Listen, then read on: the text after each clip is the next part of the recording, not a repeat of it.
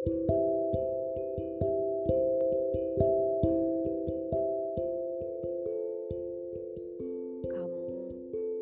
gak lebih dari kawan sebentar dan teman dalam perjuangannya. Salah satu teman. Jangan bersedih karena tidak pernah dia meminta itu. Kecuali kamu mau dan rela merasanya sendiri. Oke, tidak apa-apa. Tapi jangan lama-lama ya. Terlalu banyak yang tersakiti di bumi. Ya mungkin itu salah satu kehendaknya. Menjadi pelajaran dalam materi menjadi manusia. Kelaparan rasa dan kehausan prasangka. Jangan pernah salahkan dirimu ya. Semesta ikut andil juga kok dalam cerita ini. Tapi kesalahan tidak selamanya salah kan? Kebenaran juga tidak selamanya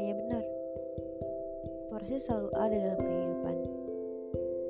Kita juga yang menentukan apa yang bisa dipetik, apa yang bisa dituai.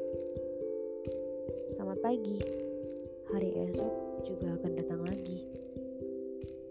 Sampai kamu mati pun, waktu tetap bergulir.